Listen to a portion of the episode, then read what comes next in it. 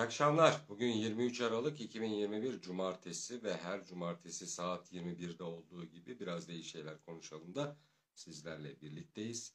Ee, ben Ertan Acar Türkiye İtibar Akademisi Başkanı ve her hafta olduğu gibi e, bu haftada e, konuğum e, Eren San ve Grup Atlantik CEO'su Sayın Ali Eren olacak. Ali Eren'le birlikte geçtiğimiz haftayı değerlendireceğiz ve önümüzdeki günlere ilişkin analizlerde bulunacağız. E, Sayın Ali Eren katılır katılmaz da sohbetimiz başlayacak. E, Ali Bey gelmeden önce e, bu hafta hangi konuları ele alacağız? İsterseniz kısaca onlardan söz edeyim. E, Merkez Bankası'nın faiz kararını değerlendireceğiz ve kısa vadede e, Merkez Bankası'nın enflasyon hedefine ulaşmak üzere e, atması gereken e, adımlar ve alması gereken kararlarla ilgili ekonomi yönetiminin e, ne gibi e, e, kararlar alması gerektiği noktasına önerilerde bulunacağız. Ali Bey katılır katılmaz da sohbetimiz başlayacak. Evet Ali Bey geldi. Kendisini yayına alıyorum ve sohbetimiz başlıyor. Ali Bey katılır. Kaçıranlar biraz da şeyler konuşalımın YouTube, Facebook ve LinkedIn sayfalarından bu programın tekrarını izleyebilir ya da dinleyebilirler. Ali Bey hoş geldiniz. Hoş bulduk. Nasılsınız? Teşekkür ederim. Sen nasılsın? Gayet iyiyim. Siz de iyi gördüm. Vallahi, olsun bu arada. Hala iyiyiz yani. Ee, bir ayarlama, yükselti ayarlaması yapalım. Ee, evet. Saatler olsun bu arada. Saç tıraşı olmuşsunuz galiba. Valla evet yani e, şey e, hani virüsten artık çok fazla korkmanın manası yok. Artık berbere gidebiliriz diye düşündüm. Ve Saatimiz. Şimdi yani artık şey e, normal e, insani ihtiyaçlarımızı yavaş yavaş karşılam e, karşılamaya başlamamız lazım. Normal bir hayata alışmamız lazım diye düşünüyorum. Çünkü Vallahi dediğimiz eksi 10, eksi 10 yaş yapmışsınız yalnız e, saçlar. Aa, teşekkür ederim. O zaman Yaşlarınız... biraz daha kestireyim yani. ne kadar gider en fazla? Son ne olur yani en son? Valla en son benden 5 yaşlar küçülürsünüz. Şu an yaşlar eşitlenmiş gibi. Oo, süper. Bu çok güzel teklif. Bunu hemen değerlendireceğim. Ee, maşallah. Ya şey yapacağım yani kazıtacağım o zaman. Tamam. Yok o kadar değil. ee, şimdi ee, evet hemen şeyimize gelelim, konumuza gelelim. Konumuza gelelim. Bugün evet, inşallah şimdi... e, e, yayın saatini gittikçe kısaltıyoruz. Geçen sefer kısalttık, bugün biraz daha evet. kısalttık. Evet, 3 dakika kadar kısalttık. Evet, 1 saat evet. 7 dakika yaptık, 1,5 saatte. Şimdi şöyle, e, Merkez Bankası'nın faiz kararıyla başlayacağım bu hafta. Çünkü siz gelmeden önce onu söylüyordum ben hızlıca. Merkez Bankası'nın politika faizle ilgili açıkladığı kararlara değineceğiz. Biz e, siz e, 100 puan cepte ben 150 puan cepte diyordum ama e, hala da Merkez Bankası bir artış yapmadı. İsterseniz bu konudan girelim. Onun dışında e, enflasyon hedefine ulaşma noktasında bazı öneri setleri e, geliştireceğiz sizinle bugün. Daha doğrusu fikirlerimizi söyleyeceğiz. E, isterseniz Merkez Bankası'nın politika faizini sabit tutması ile ilgili konudan başlayalım. Daha sonra sohbetimiz devam eder. Evet. Ne diyorsunuz? Ee, 100 evet. puan hala daha gelecek mi? Ben 150 puan diyorum, siz 100 puan diyorsunuz. Biz hala evet. daha ısrarlıyız o puan 100 puan artışı veya 150 puan artışın geleceği. Evet, noktası. geçen hafta geçen hafta bütün piyasa e, şeyin Merkez Bankası'nın bir faiz artırımı yapmayacağını e, konusunda hem fikirdi yani çok yani büyük ölçüde e, herkesin fikri e, faiz artırımı yapılmayacak konusundaydı. E, fakat e, bizim fikrimiz biraz farklıydı.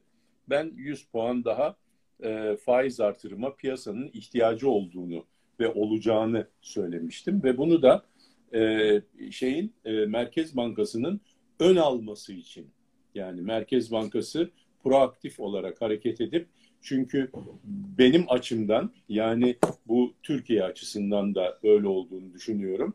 E, enflasyon öncelikli. Bir defa enflasyon hastalık. Bu hastalık olmadan sağlıklı olduğumuz bir ortamda büyüyebiliriz, gelişebiliriz, e, güçlenebiliriz, kalkınabiliriz. Yani sağlıklı olmadığımız bir bir tarafta bir hastalık, düşünün karaciğerde hastalık var, sarılıksınız ve siz böyle koşup oynamaya çalışıyorsunuz. E, AD'lerinizi güçlendirmeye, işte yarışa hazırlanıyorsunuz maraton falan. Bu mümkün değil. Önce bir hastalığı geçireceğiz, bitireceğiz. Bunun defterini düreceğiz yani amiyane tabirle. Ondan sonra evet. çıkacağız sahalara. Ve göğsümüzü gere gere ondan sonra her türlü e, şeyimizi yapacağız. Yani hareketimizi de, idmanımızı da, yiyeceklerimizi de ona göre şey yapıp e, oradan alacağız. Bizim yani görüşümüz bu. Yani e, sağlıklı bir e, görüş. Hani bunda yok o zaman seçim olacakmış. Bu o, o, e, efendim şu siyasi parti böyle istiyormuş. E, başkanımız böyle istiyormuş muş değil. O açıdan bakmıyoruz. Biz biz normal ekonominin olması gereken açıdan bakıyoruz. Türkiye açısından bakıyoruz. Türkiye'deki vatandaşların açısından bakıyoruz.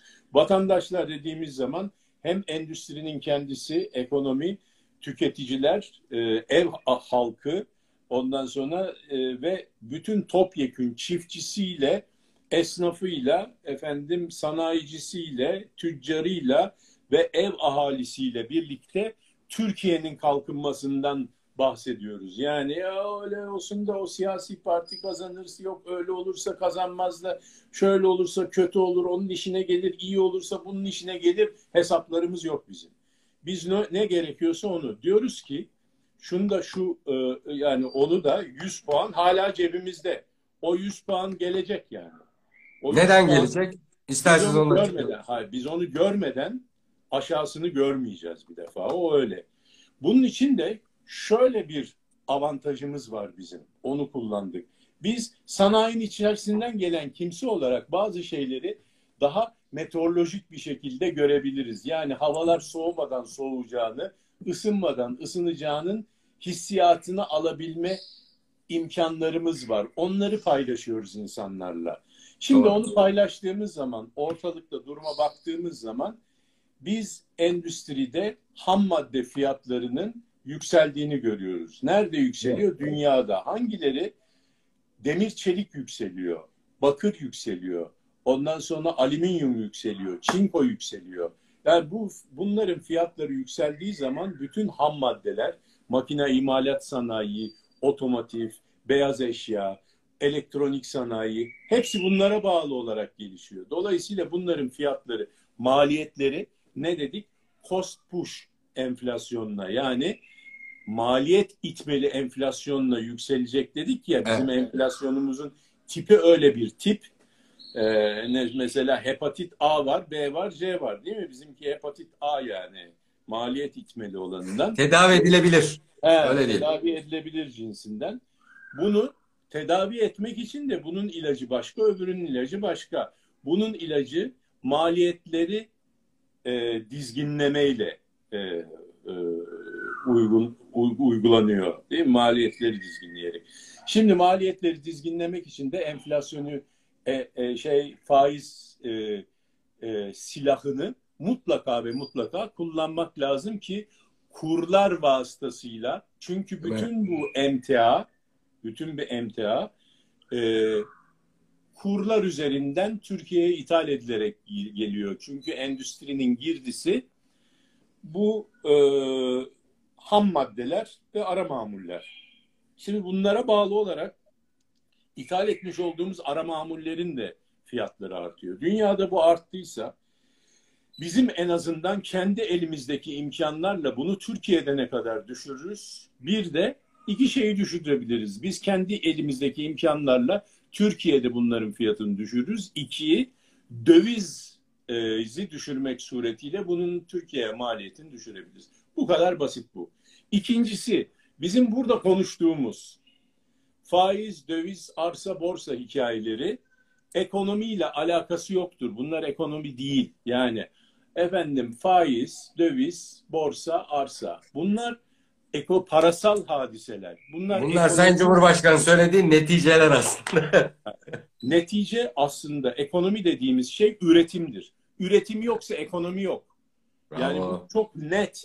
Ama biz bugün Aynen bunları konuşmaya mecburuz çünkü hasta olduğumuz için konuşmaya mecburuz. Aslında bizim burada konuşmamız gereken veya Türkiye'de konuşmamız gereken ekonomiden anladığımız üretim, tarladaki üretim, fabrikadaki üretim, Ondan sonra evdeki üretim yani evdeki üretim de çok e, önemli ve bu üretimlerin hepsinin içindeki verimlilik oranının artması. Verimlilik oranının artması da bizim büyümemizin artması için bir numaralı e, koşullardan bir tanesi. Aslında e, çok doğru yere tespitte bulundunuz. E, Yani Merkez o Bankası 100, o- şunu yapmak 100 istedi. puan, 100 puan, senin 150 puan, benim 100 puan cebimizde duruyor ve o gelecek. Onu söylüyorum Gelecek. O matematik hesabı çünkü neden Merkez Bankası bu ay faiz artışı yapmadıysa Aralık ayı enflasyonuna göre bir değerleme yaptı. Parasal sıkılaşma uyguladı. E, Ocak ayı enflasyonunun ne geleceğini bilmiyoruz. O Şubat ayında belli olacak. Şubat ayındaki sonuca göre de Merkez Bankası e, politika faizini açıklayacak ki doğal enflasyon o zaman ortaya çıkmış olacak. E, doğal enflasyon dediğiniz gibi de e, imalat sektörünün e, karşı karşıya kaldığı, özellikle kur farkı sebebiyle karşı karşıya kaldığı maliyet artışı sonucu e, doğal olarak hepimizin cebine yansıyacak olan enflasyon olacak. Peki e, bu enflasyonu e, e, Merkez Bankası Başkanı önümüzdeki günlerde yeni, yeni ekonomi politikasını açıklayacak. E, Sayın Cumhurbaşkanı'nın da ifade ettiği ekonomi reformu var önümüzdeki günlerde. Hazırlıkları sürüyor dediği ki dün de bir açıklama yaptı bununla ilgili. Ee, burada temel hedef enflasyonu düşürmek. Siz de zaten enflasyonun düşürülmesine yönelik bir politika uygulaması gerektiğini ısrarla söylüyorsunuz aylardır. Ee, dolayısıyla kısa vadede atılması gereken adımlar ne olabilir? Yani imalat sektörü üzerindeki maliyetleri nasıl aşağıya çekebiliriz ki enflasyonu dolayısıyla bu itmeli enflasyonu aşağıya çekebilelim? Şimdi şöyle, birincisi dedi ki kurlar üzerinden bunun yapılması lazım. Onun için faiz önemli. İkincisi, e, aslında bu faizle hikaye, faiz hikayesiyle işte sonra ne olacak? Bundan sonraki adımda rezervlerin e, rezervlerin bir defa tekrar yerine konması, kaybedilen rezervlerin Bravo. sağlıklı bir parasal e, ta- tarafı olsun. Ekonominin, ekonominin parasal tarafı sağlıklı Evet. olsun. Sağlam olsun. Onun üzerine biz üretim tarafını çok daha rahat bir şekilde, çok daha hızlı bir şekilde yerine koyabiliriz. Önce Evet. parasal değerleri yerine koymamız gerekiyor. Parasal parametreleri yerine oturtmamız gerekiyor enflasyon gibi. Şimdi bunu yaptıktan sonra e, bunu yaptıktan sonra asıl devletin ekonomiyle ilgili olan görevleri devreye giriyor. Esas bizim reformlardan beklediğimiz bunlar. Devletin görevi nedir? Piyasaların düzgün çalışmasını sağlamak. Yani piyasadaki e, fiyat mekanizmasının sağlamasını e, e, yani çalışmasını sağlamak. Arz talep dengesinin oluşarak fiyatları oluşturmasını. Çünkü orada oluşan fiyatlar doğru fiyatlardır. En yüksek verimi sağlayan fiyat odur. Çünkü verim diye bir şey var. Bu verim fiyatın doğru olmasından geçer. Yani eğer piyasada oluşan fiyat arz ve talebin gerçek arz ve gerçek talebin ortalamasındaki oluşmuş olan fiyatı gösteriyorsa o zaman verimli bir kaynak dağılımı olur. Yani ekonominin esası bu. Dolayısıyla devletin görevi de bu piyasalardaki e, fiyat mekanizmasının düzgün çalışmasını sağlamasıdır. Şimdi dönüp baktığımız zaman devletin yapması gereken çok böyle e, acil işler var. Bu işler nasıl biliyor musun? Hemen bugün yap, yarın neticesini al. Yani bunlar öyle uzun yapısal tedbirler değil bunlar. Yapısal değil. Onlar ayrıca işte altyapı sorunu, enerji, ondan sonra işte bazı kanunların değişmesi, ondan sonra hukukun e, tekrar yerine Yani uzun vadedeki şeyler yap işlet devletlerle hayata geçirilen projeler mesela. Yani vergi reformunun yapılması bunlar hepsi uzun vadede ve orta vadeye yayılıp yapılması gereken yapısal tedbirler. Ama ilk önce ilk önce bizim bu işler yapılırken yani bu faiz döviz işleri falan da yoluna konurken enflasyonumuz düzeltilirken yapmamız gereken acil işler var. Yani bugün yap yarın neticesini al hemen işler var. Yani Mesela? o kadar bozuk o kadar bozuk e, e, oluşmuş e, piyasalar var ki bu piyasaları anında düzeltip neticesini alabilirsin. Mesela bunlardan bir tanesi emtia piyasalarında bu var. Mesela çelik piyasası, demir çelik piyasasını bir örnek olarak vereceğim size. Şimdi Hı Türkiye'de e, çeliği ikiye ayırıyorum. Bir tanesi uzun dediğimiz e, bu e, inşaatta da kullanılan çubuk demir yani filmaşin Evet. ve çubuk demir, yuvarlak demirin e, e, üretimiyle. Bunlar bir tesisler grubu. Burada özel sektörde bir sürü kuruluş var. Hı hı. Bunu ayırıyorum. Bir de endüstride kullanılan yassı mamul dediğimiz saç, halk arasında saç denen yassı mamul yani yassı çelik üretimi diye bir üretim var. Bunu Altımıza, üreten hani izleyicilerin anlaması için tabaka çelik. Öyle diyelim. efendim Tabaka halindeki çelikler. halkımız buna saç der. Saçlar Yani- ama hani tabaka tabaka olanlar. Evet, tabaka tabaka olanlar yassı Evet. mamul. Evet. Şimdi bunu üreten e, aslında 3-5 tane firma var ama bunları hakiki anlamda üretim yapan e, hepimizin tanıdığı ve bildiği Erdemir. Ereğli Demir Çelik Fabrikaları.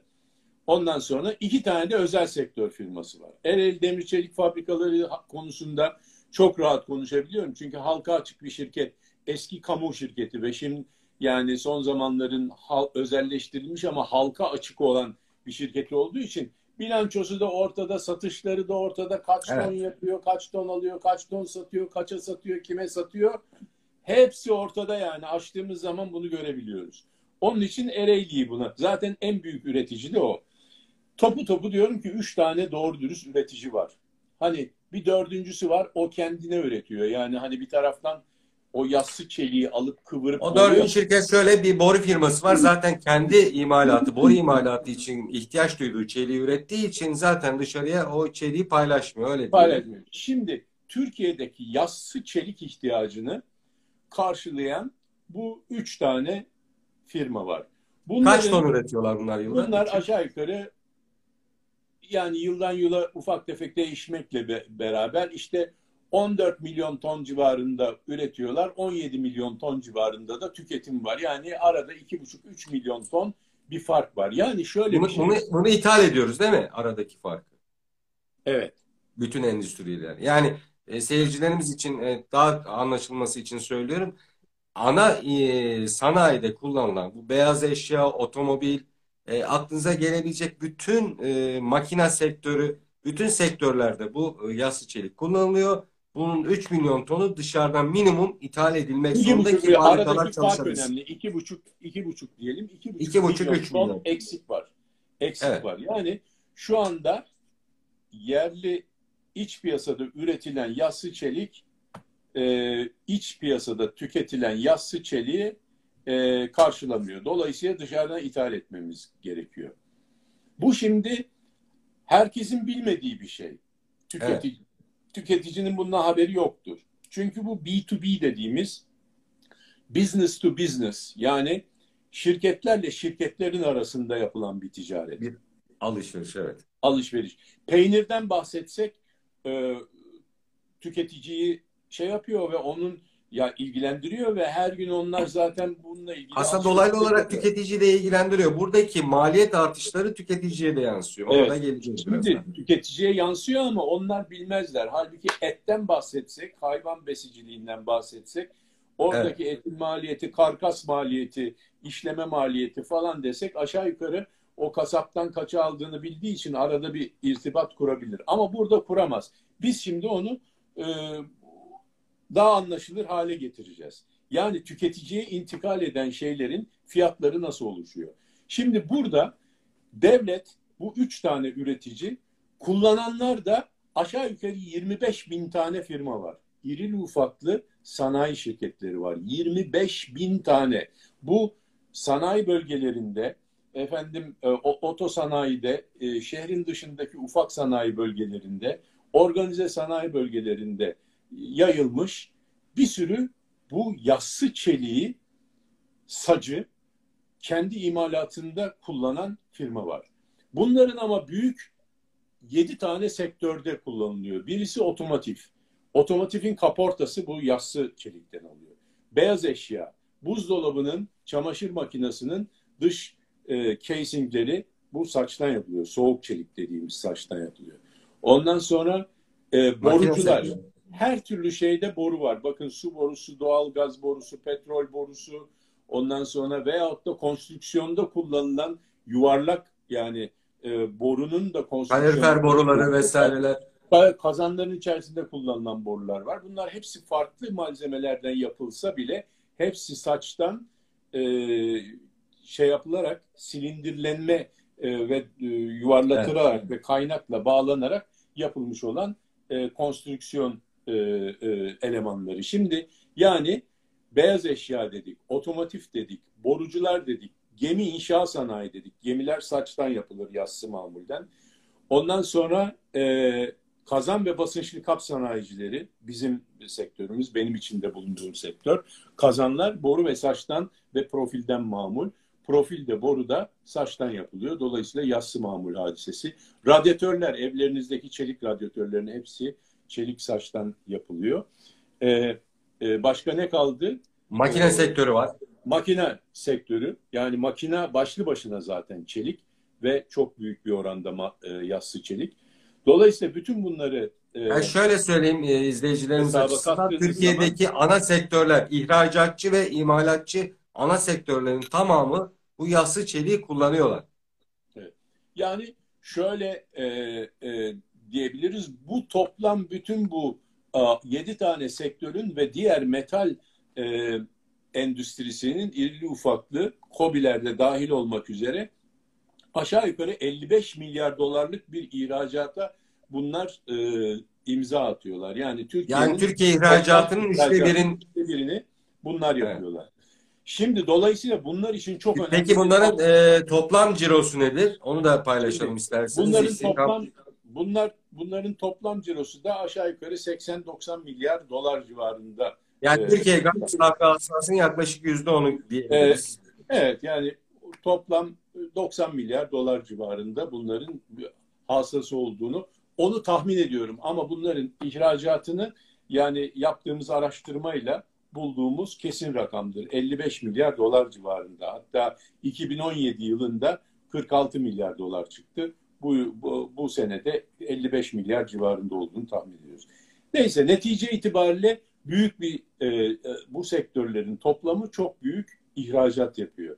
Şimdi buradan gelen bu ham madde kullanılıyor. Bu ham madde pahalanırsa bunların yaptığı bütün ürünler buzdolabı da, çamaşır makinesi de, arabada, gemide, boruda ve borunun içine katıldığı her şeyde, kazanda, ondan sonra radyatörde hepsi ve bir sürü aklımıza gelmeyen mesela nedir? Demir doğramalar, de, demir e, çelik kasalar, çelik e, efendim dolaplar, aklınıza çelik olan her şey gelir. Bağlantı elemanlarından köşebentle yapılan her şey bunlarla yapılıyor. Yani 55 milyar dolar ihracatı olan 80 küsür milyar dolar da e, hasılası olan, ciroların toplamı olan biz sektörler grubundan bahsediyoruz. İzleyicileriniz açısından ben şu bilgiyi de paylaşayım. Türkiye'de yaklaşık 45 bin ihracatçı firma var. Bunların yarısından fazlası bu sektörler. Bunu da paylaşmış evet. olayım. Doğrudur. Şimdi ve kaç bin kişi istihdam sağlıyor bu sektörler? Tane firma, üç tane firma yeteri kadar üretemediği için e, bu e, şeyi ihtiyacı karşılamıyor. Fakat devlet aynı zamanda bunlar stratejik sektörler, önemli sektörler diye, evet önemli sektörler. Peki. Bunlara koruma olsun diye yüzde on bir ile yirmi arasında bir gümrük vergisi koyuyor. Bunların ürettikleri mallara. Yani ben Rak, rakiplerinin e, zayıflatmak istiyor devlet bu anlamda. Üretmedikleri kısmını ben ithal etmek zorundayım ya.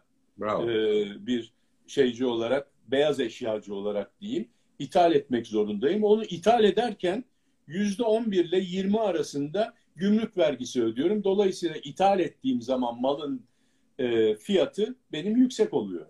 Hı hı. Fakat ithal edince benim malım yüksek olacak diye buradaki Ereğli Demir Çelik fabrikaları da kendi malına zam yapıyor. Nasıl olsa onun ithal maliyeti yüksek, ben de yüksekten veririm diyor. Rekabet etmek zorunda değil ki.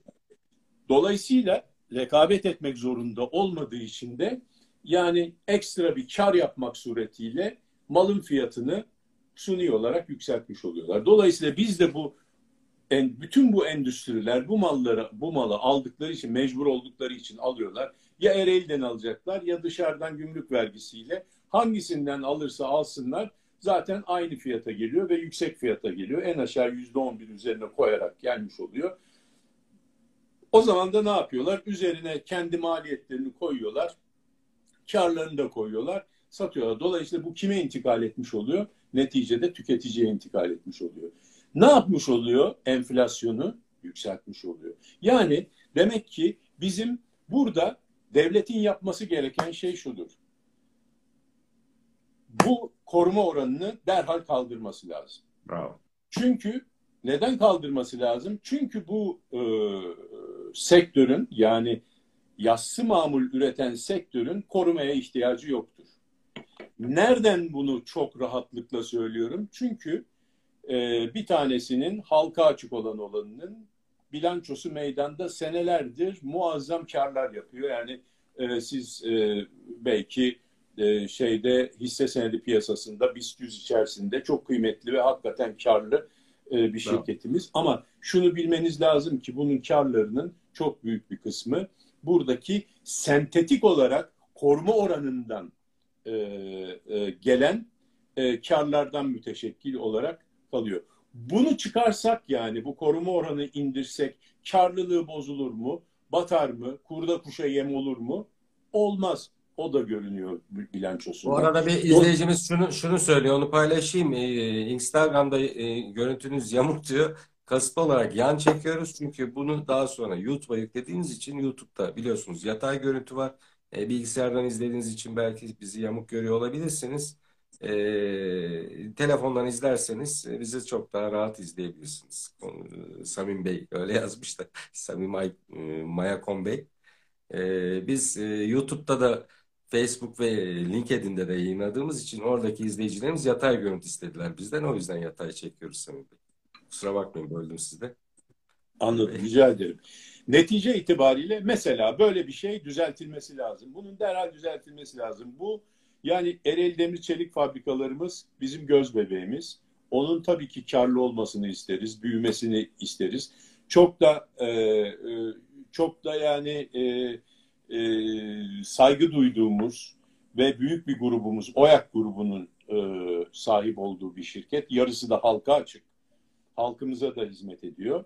Dolayısıyla bu çok önemli bir varlığı Türkiye için. Ama e, ama bunun yani 25 bin tane firma burada maliyetleri yükseltip 80 milyon e, e, tüketici bu tür endüstriyel mamulleri daha pahalı alacak diye e, e, almasına e, şey yaparak yani bu almasını göze alarak bu e, şirketlerimize yani üç tane şirketimize yani ceplerine para doldurmanın bir manası yok. Eğer bu muazzam her türlü şey bizim ihracatımız da çok rahat rekabet edebiliyoruz olsak işte bizim zaten enflasyonumuz da falan olmasa hadi bir derece diyebiliriz ki yani onları el üstünde. Bir de şöyle bir şey yok mu Ali Bey? Yani siz ihracatçı bir firmasınız. Eğer e, hamma, e, ana ham maddenizi pahalı almak zorunda kalırsanız bu sizin yurt dışındaki rekabetinize de negatif etkiler. Yani çünkü yurt dışında fiyat odaklı da rekabet etmeniz gereken pazarlar var. Dolayısıyla burada ham madde girdiğiniz pahalı olduğu zaman da e, burada rekabet açısından da çok sıkıntı çekiyor olabilirsiniz. Yani Tabii, size özelinizde söylemeyeyim. Bunu bütün ihracatçılar üzerine Bu çok bu çok önemli bir nokta. Mesela otomotiv ve beyaz eşya bizim hakikaten Türkiye'nin ihracat şampiyonu. Yani lokomotif ihracatçıları. Bravo. Bu lokomotifleri yani kimi koruyacağız? Biz ilk önce bunları korum, korumamız lazım. Çünkü onların katma değeri çok daha yüksek. Biliyorsunuz katma değer ham maddeden e, bitmiş ürüne giderek giderken artarak gider. Yani bir buzdolabındaki yerli katma değer değer bir e, saç veya da ham madde olarak kullanılan bir çelikteki katma değerin bazen 3 misli 4 mislidir. Yani 5 mislidir 10 mislidir şeyine göre yani e, e, malın değerine ve malın e, efsafına göre değişir.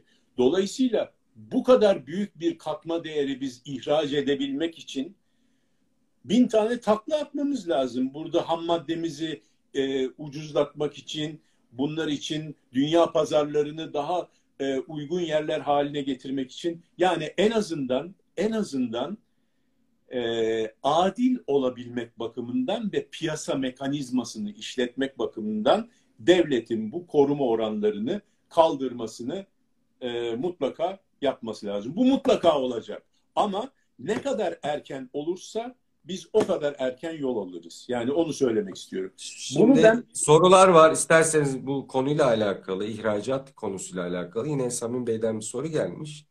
Ee, bu ihracata birim bedeli nedir diyor. Yani 100 euro civarında olduğunu zannediyorum diyor. Ee, ekstra maliyetin bu %11'lik e, maliyetten söz ediyor sanırım. Kar manasında e, ne kadar bir hasar veriyor diyor. Yine Murat Bey'den bir e, şey gelmiş, feedback gelmiş. İthalat fiyatı da şu anda uygun e, mertebede değil.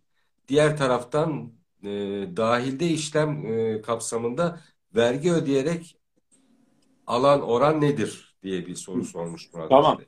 Tamam güzel sorular. İkisi de çok güzel soru. Ufak bir hesap yapalım. Çünkü her mal için bu hesaplar değişiyor. Şu anda evet. e, saç mesela sıcak saçın fiyatı 800 dolar civarında. Bu neydi? 550-600 dolar civarındaydı. 800-850 dolarlara hatta çıktı. Şimdi e, şu anda bu ama bu şeyden gelmiyor. Yani bu e, iki problemi birbirinden ayıralım. Bir akut hı hı. hastalığımız var bu konuda, saç konusunda. Bir de kronik hastalığımız var. Benim bahsettiğim hastalık kronik hastalığımız. Hı hı. Yani bu her zaman var.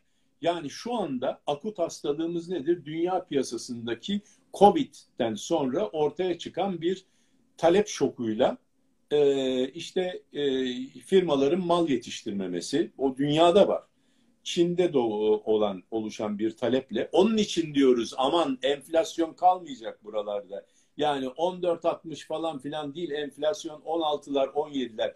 Ben iddia ediyorum Ocak ayının enflasyonunda zaten bu enflasyon yükselmeye başlayacak bu. Çünkü bu ham maddelerin e, emtiadaki fiyat yükselmeleri bu dolar da düşmediği takdirde bunların maliyetlere intikal etmemesi mümkün değil. Ama sepet içerisindeki oranları düşüktür. Onun için az miktar değecek ama yani 0.3 0.4 bile intikal etmesi bizim için önemli çünkü düşürme yoluna girmişiz. Bizim için her 0.1 önemli. Etten 0.2, e, saçtan e, efendim beyaz eşyadan 0.5, oradan 0.3, buradan 0.1 böyle böyle indireceğiz artık bunu. Yani onun için hedef %12,5. Yani hedef de ciddi bir hedef. Yüzde on iki buçuk. Şimdi şöyle diyeyim, şöyle diyeyim. Diyelim ki bir eşyanın içerisinde efendim yüzde yirmi saç kullanılıyor değil mi? Yüzde evet. yirmi kullanılıyorsa ki bu az miktar. Bizim mesela kazan imalatının içerisinde yüzde e, yetmiş civarında e, kullanılıyor. Boruyu da sayarsan daha yüksek. Boru da saçtan yapıldığına göre. Neyse o hesaplar biraz farklı. Yani satış fiyatı üzerinden bu katma değeri hesaplarsan yüzdesi başka. Maliyet içerisinde katma değeri hesaplarsan başka tabii. Şimdi diyelim ki 100 lira satış fiyatı, malın satış fiyatı 1000 lira tüketiciye intikali. 200 lirası saç olursa bu yüzde on pahalı şu anda şeylere göre yani e, e, e, koruma değeri açısından. Demek ki 20 lira ne yapıyor? Yüzde 20'nin yüzde onu, yüzde 20'nin yüzde onu, yüzde iki. Demek ki bu e, mal yüzde iki bu yüzden yüzde iki daha pahalı olarak arz ediliyor e, e, piyasaya demektir. Yüzde seksen içinde saç ve boru olan mesela borucuların yüzde yüzü saç. Yani boru yaptığı zaman adam sırf saçtan yapıyor. Yassı mamülü kıvırıyor. Kaynakla birleştiriyor. Boru oluyor değil mi? Yüzde yüzü saç. O zaman yüzde on ona bir e, e, bu e, korumanın kaldırılması onun direkt boru fiyatında yüzde on neredeyse şey yapacak. Tabii işçilik işçilik de var ama ben şimdi bakkal hesabı dedikleri gibi zarfın arkasına yazılmış gibi hesap yapıyorum ama bundan çok çok da farklı değildir. Şimdi bu birinci sorunun cevabı. İkinci soru dahilde işleme belgesi diye bir belge var. Devletin çıkardığı. Diyor ki devlet evet. sen eğer bir malı ihraç edeceksen bu malı üretmek için ithal ettiğin malzemelerin yani ham madde ve arama mamullerin e, ithalatında aldığım gümrük vergilerini düşebilirsin diyor. Tamam mı? Yani ihraç edeceksen O zaman vergi verme. Ben burada Türkiye'de kullanılacak diye vergi alıyorum. Hı hı. Güzel. Şimdi bunu herkes yapamaz. Çünkü bunu yapmak için mesela e, otomotiv gibi mesela çok e, e, planlı programlı bir alım ve satış e, programın olması lazım, bütçen olması lazım. Ocakta şu kadar ton, bir sene önceden bileceksin. Ocakta şu kadar ton alacağım, şu malzemeden, bu kadar ton bundan, bu kadar ton işte Evet. 3 bilim, bu kadar ton 5 bilim. Ondan sonra şu, e, şu kadar satacağım şu fiyata. Şubat'ta bu kadar, Mart'ta bu kadar. Sen bunun programını yaptığın zaman bunun büyük bir bürokrasisi var. Ticaret Bakanlığı'nın kontrol ettiği. Oradan uzmanlar geliyor kontrol ediyorlar. Yani sana e, içerisinde yüzde on şaşsa bu büyük cezalar veriyorlar. Çünkü o zaman vergi kaçakçılığına falan giriyorsun. Bir şey bir sürü bir şey oluyor. Onun için çok dikkatli yapma. Ama sen şimdi bir sipariş alsan bir e, yani orta büyüklükte bir e, e, firma olarak bir sipariş alsan adam sana diyor ki sipariş veriyor 15 gün sonra malımı teslim et. Ya sen bunun malzemesini getirtip yurt dışından getireceksin ya ithal getirtip ondan sonra onun belgelerini hazırlayıp dahilde işleme e, müracaatlarını yapıp ondan sonra 15 gün sonra şey yaparken gönderirken yani bu malın gidişinden e, yani malın işlenmesi ve gidişine arkasından ve paralel gelen bir işlemler dizisi olması lazım. Yani netice olarak şunu söyleyeyim. Büyük şirketler evet yapabilir ama orta ve küçük şirketler bunu veyahut da sipariş alma ve teslimat rejimleri düzensiz olan şirketler yani tabiatı olarak düzensiz olan şirketler bunu yapamazlar. Dolayısıyla nitekim de yapmıyorlar. Şimdi iki, bu dahilde işleme rejimi iç piyasa için e, işlemiyor ki. Bu, bu firmaların çoğu yaptıkları, ürettikleri malı iç piyasada satıyorlar. Dahilde işleme yapamazsın ki bunun için. Dolayısıyla kendi tüketicime yine yine pahalı vereceğim ben bunu dahilde işleme yapamadığım için. Ya Bunun izleyicilerimiz bir şöyle düşünebilir. Bir beyaz eşyada ya da bir otomobilde e, tabii ki sektöre göre değişiyor. %2 ile %10 arasında değişen e, oranlarda yaklaşık olarak söylüyoruz tabii bunu. E, daha pahalıya almak zorunda kalıyorlar. Bu üç firmayı e, korumak için alınmış e, tedbir sebebiyle. Şimdi Cemal Yayla beyefendiden bir soru gelmiş Cemal Bey'den. E, Ali Bey zaten artık mamullerde satış fiyatları belli ve bunun alıcı piyasası e, rekabet ortamı belirliyor diyor. Büyümek ve rekabetçi olmak için tek çare tedarikçilerde maksimum verim ve kazanç gerekmiyor mu diye sormuş Cemal Bey. Çok bir doğru. sorusu daha var Cemal Bey'in. Onu da hemen ekleyeyim. Koruma ve e, koruma duvarları ham maddecileri rehavete itip bizleri pahalı tedarike itmiyor mu diyor. E, evet. Yani zaten onu söyledik. Ya tabii çok doğru. Yani arkadaşlarımız bu çok iyi anlamışlar. Ben yani bazen tam anlatabiliyor muyum onun e, şüphesine düşüyorum ama biraz da tekrar ediyorum onun için. Ama çok iyi anlaşılmış demek ki hadise. Bu kesinlikle e, yani şunu Cemal Bey'in söylediği şey şunu söylemek istiyor. Endüstriyel mamul pazarı bir pazar, bir piyasa. O Pardon, piyasada- Cemal Ayla ben demiş. Ben Cemal Yayla demişim. Özür dilerim. Soy ismini yanlış okumuşum. Evet Cemal, Cemal Bey. Ayla beyefendi. Ee, Cemal Bey makine sektörümüzden e, bir e, Evet, e, sanayicimizdir. Çok kıymetli bir sanayicimizdir. E, yani plastik e, e, yani paketleme makineleri imalatı yapar ve hakikaten Türkiye'nin ve dünyada da söz sahibi çok e, iyi firmalara ihracatı olan bir arkadaşımızdır. Şimdi şunu söylemek istiyor Cemal Bey aslında. Bizim endüstriyel mamullerimizi sattığımız piyasalar gerçek anlamda çalışan fiyat mekanizmasının düzgün işlediği e, piyasalardır. Yani arz ve talebin bir araya geldiği piyasalardır. Rekabetin olduğu piyasalardır. Yani buzdolabı bir tane yok ki. 18 çeşit buzdolabı var. Hepsi bir rekabet içerisinde belli bir fiyatlar ol- oluşuyor. Markaya göre belki e, farklılaşan ve taleple de alakalı olarak arz ve talep bir araya gelip doğru fiyatlar oluşuyor orada. Dön öbür tarafa ben o malı yaparken ki e, ham maddemi ve ara mamullerimi aldığım piyasalar da rekabetçi piyasalar olması lazım.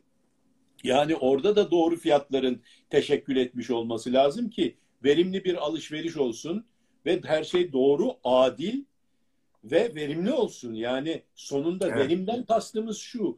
En ucuz fiyata olabilecek en uygun fiyata tüketiciye intikal etmesi demek verimlilik.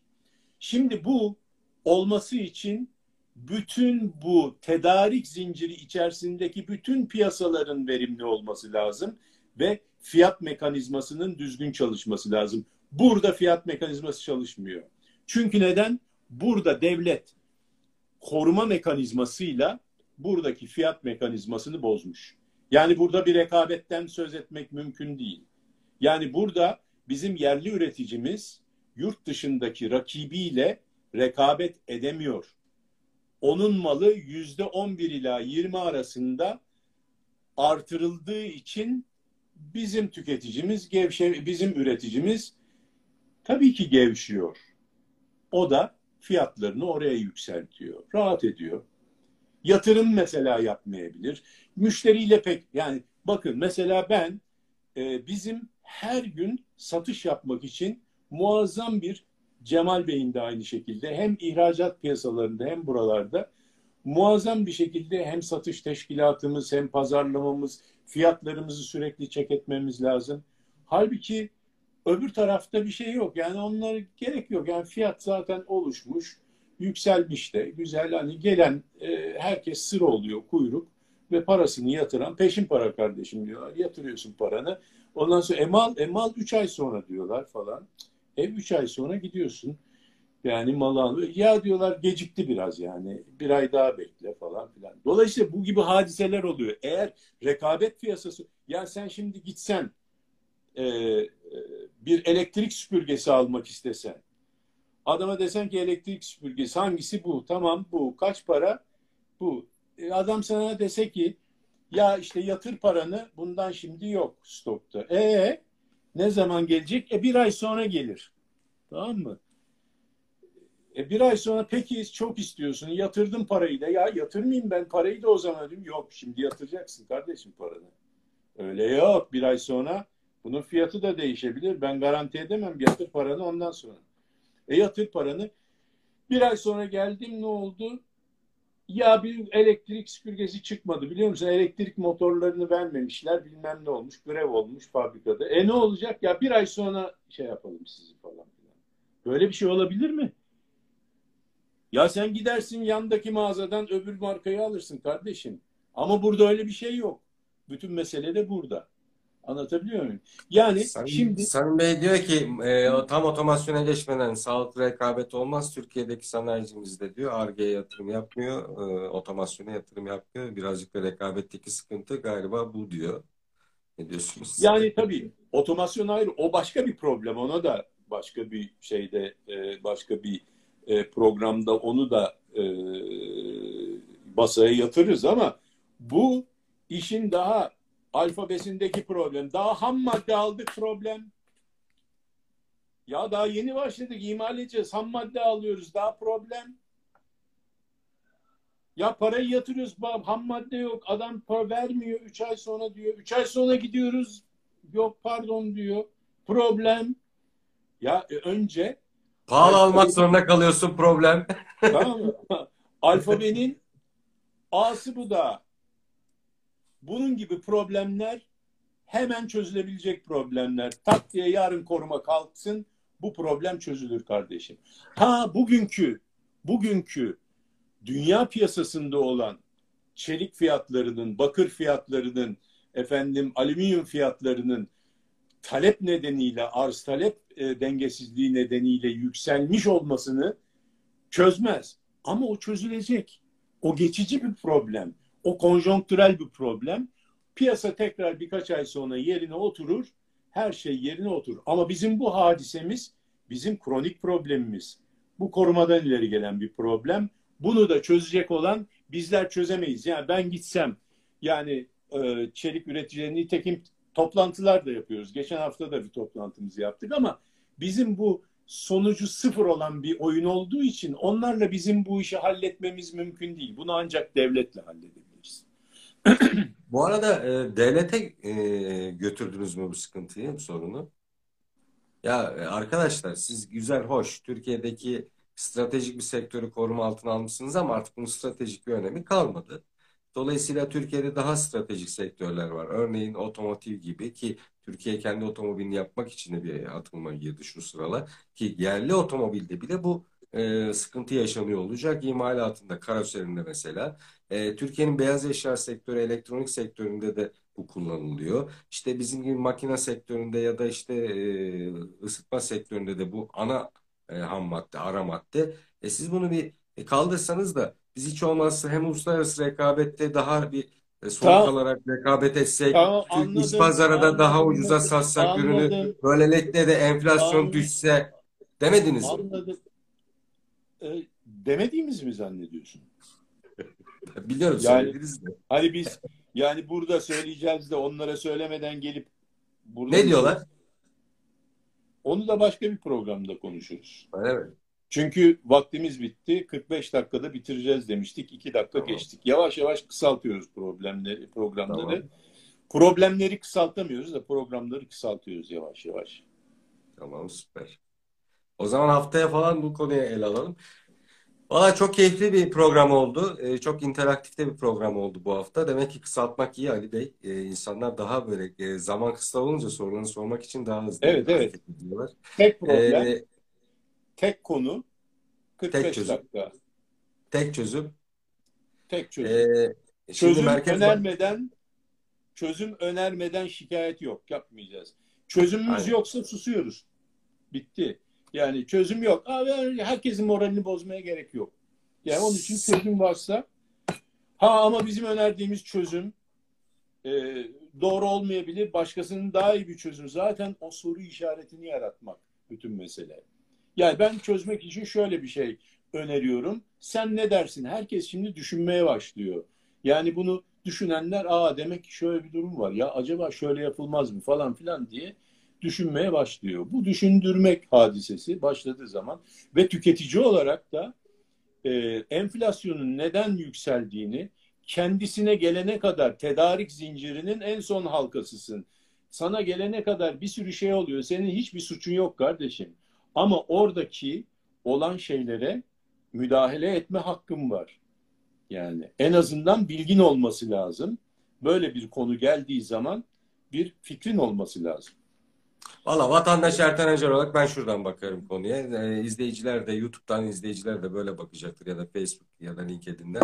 Kardeşim ben otomotiv satın almak istedim. bir otomobil satın almak istediğimde ya da bir beyaz eşya buzdolabı satın almak istediğimde bunu %10 alabilecek, ucuza alabilecekken bu enflasyona rağmen bunu 3 tane firmayı korumak için e, uygulanan tedbir sebebiyle %10 daha pahalıya alıyorsam e, bir dakika derim yani bunu e, düzeltmek gerekiyor ki bunun e, zincirleme bir reaksiyonu olacak. E, %12,5 enflasyon hedefi koymuşsa bu devlet bu hedefe ulaşmak için de imalat sektöründe bu e, koruma kalkanlarını kaldırması gerekiyor. Rekabeti daha enflasyonu aşağı çeker.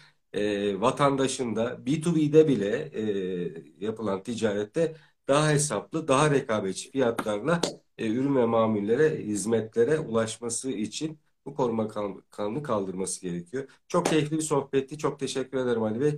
Evinizde değilsiniz bugün. Başka bir yerdesiniz ama yine hiç aksatmadınız. Sağ olun. E, vakit Tabii. ayırdınız. E, kaçıranlar e, programın tekrarını Spotify'dan dinleyebilir ya da Facebook, e, LinkedIn veya e, YouTube'daki biraz biraz da iyi şeyler konuşalım kanalına girerek tekrarını izleyebilirler. Ben iyi hafta sonları diliyorum bütün Hatta- izleyicilerimize. YouTube'da sıkılmasınlar diye belki 1.25 çarpı veya 1.5 çarpı hızlar Rap yapar gibi bizi dinleyebilirsiniz. hızlı dinleyebilirsiniz sıkıyorsa. Tamam mı? Evet, Ali Bey'le beni rap yaparmış gibi dinleyebilirsiniz sevgili Teşekkür ederim. Teşekkür ederim. Hoşçakalın. İyi hafta sonları. İyi hafta sonları.